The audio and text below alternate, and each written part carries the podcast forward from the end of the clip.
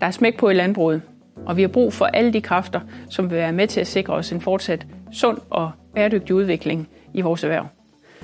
Bæredygtighed det handler også om at skabe gode arbejdspladser, øhm, øh, attraktive steder, hvor man kan lære sit fag og komme godt videre.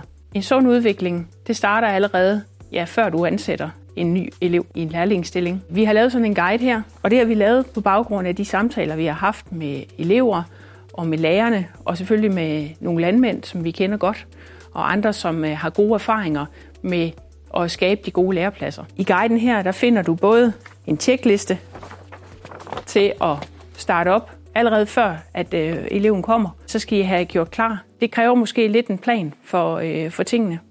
Så derfor så skal I lave jeres egen guide, men vi har lavet sådan en øh, skabelon til det her. Så er der også en samtaleguide, sådan så I kan få en god samtale med en måske kommende lærling hos jer.